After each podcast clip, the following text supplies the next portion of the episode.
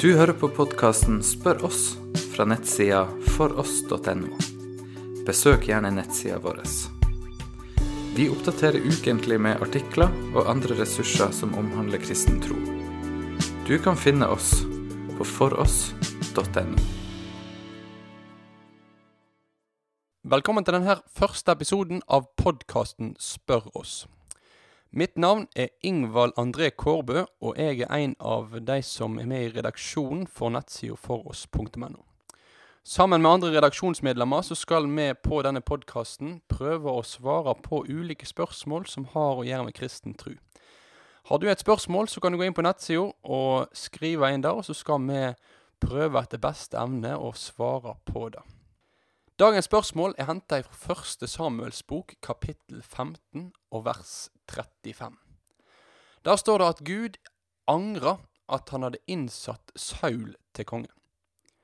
Og Noe lignende kan vi òg lese om hva Gud sier i samband med storflommen i første Mosebok kapittel 6 og vers 6. Og Da er det spørsmålet vi har mottatt om Gud kan angre det han gjør.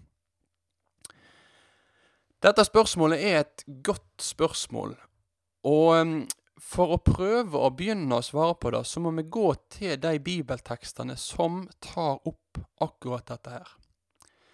For det er klart at for mange kristne så kan dette med Guds anger være litt vanskelig. En trodde kanskje at Gud var til å stole på, og så står det noen vers om en Gud som angrer, og så blir en litt usikker. Når vi leser første Samuels bok kapittel 15 i sin sammenheng, så kan vi merke oss at i løpet av dette kapittelet så sier forfatteren både det som jeg las i innledningen, at Gud angra at han hadde gjort Saul til konge. Men òg noen vers før da, nemlig i vers 29, så står det Han som er Israels ære, lyg ikke og angrer ikke for han er ikke et menneske, en som angrer. Forfatteren har med andre ord med seks vers mellomrom først skrevet at Gud ikke kan angre, før han skriver at han angrer.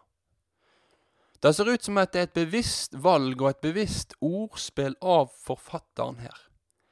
Vi kan ikke tenke at dette er en indre sjølmotsigelse, for det er såpass få vers imellom at vi kan ha stor tillit til at begge deler er sant.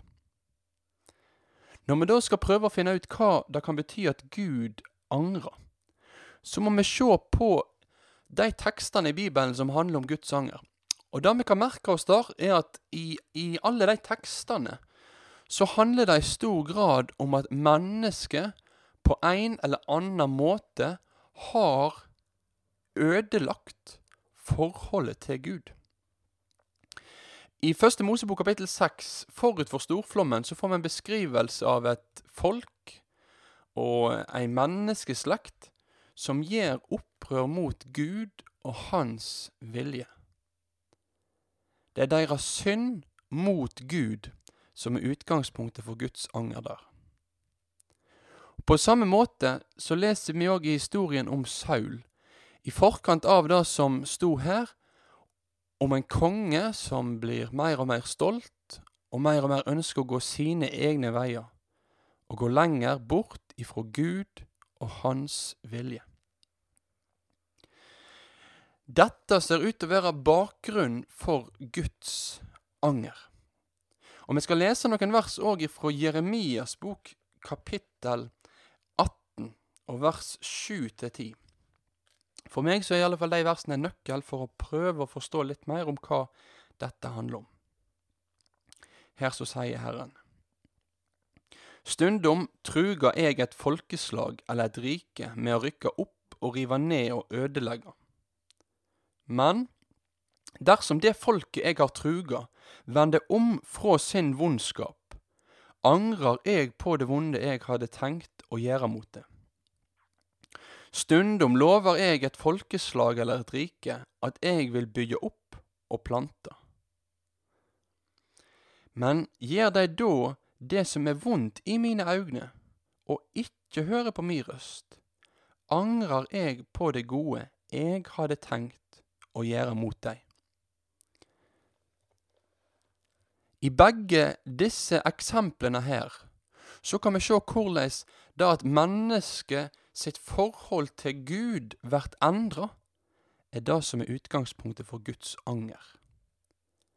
At Gud angrer sin straff når mennesket vender om til Han med sine synder. Og at òg motsatt vei Gud angrer på den måten at han lar mennesket òg oppleve straffe hvis de går bort ifra den gode Gud som har gjort alt for dem. Dette må være utgangspunktet om vi skal, skal forstå Guds anger med Saul. Det er ikke en Gud som plutselig blir humørsjuk og plutselig ombestemmer seg. Det er ingen Gud som har en dårlig dag. Utgangspunktet er Saul og hans opprør mot Gud. På den andre sida så var det veldig tydelig i første Samuels bok kapittel 15 at Gud, han var en Gud som ikke kunne angre. En som ikke var som et menneske. Og i det så, så ligger det da at Gud sin karakter og hans vilje, den forblir uforandra. Han er den han er og hans planer står fast. I dag kan en kristen ha sin tillit til at sånn som Gud har åpenbart at han er i Bibelen, ja, sånn er han faktisk i dag òg. En kristen kan ha sin tillit til at Gud er til å stole på. Og samtidig er disse tekstene om Saul og om storflommen, tekster som er advarsler til oss. Advarsler mot å gå bort ifra Gud, der det blir vist konsekvensene ved å fornekte Han, og tenke at en sjøl veit best, og helst vil følge sine egne veier.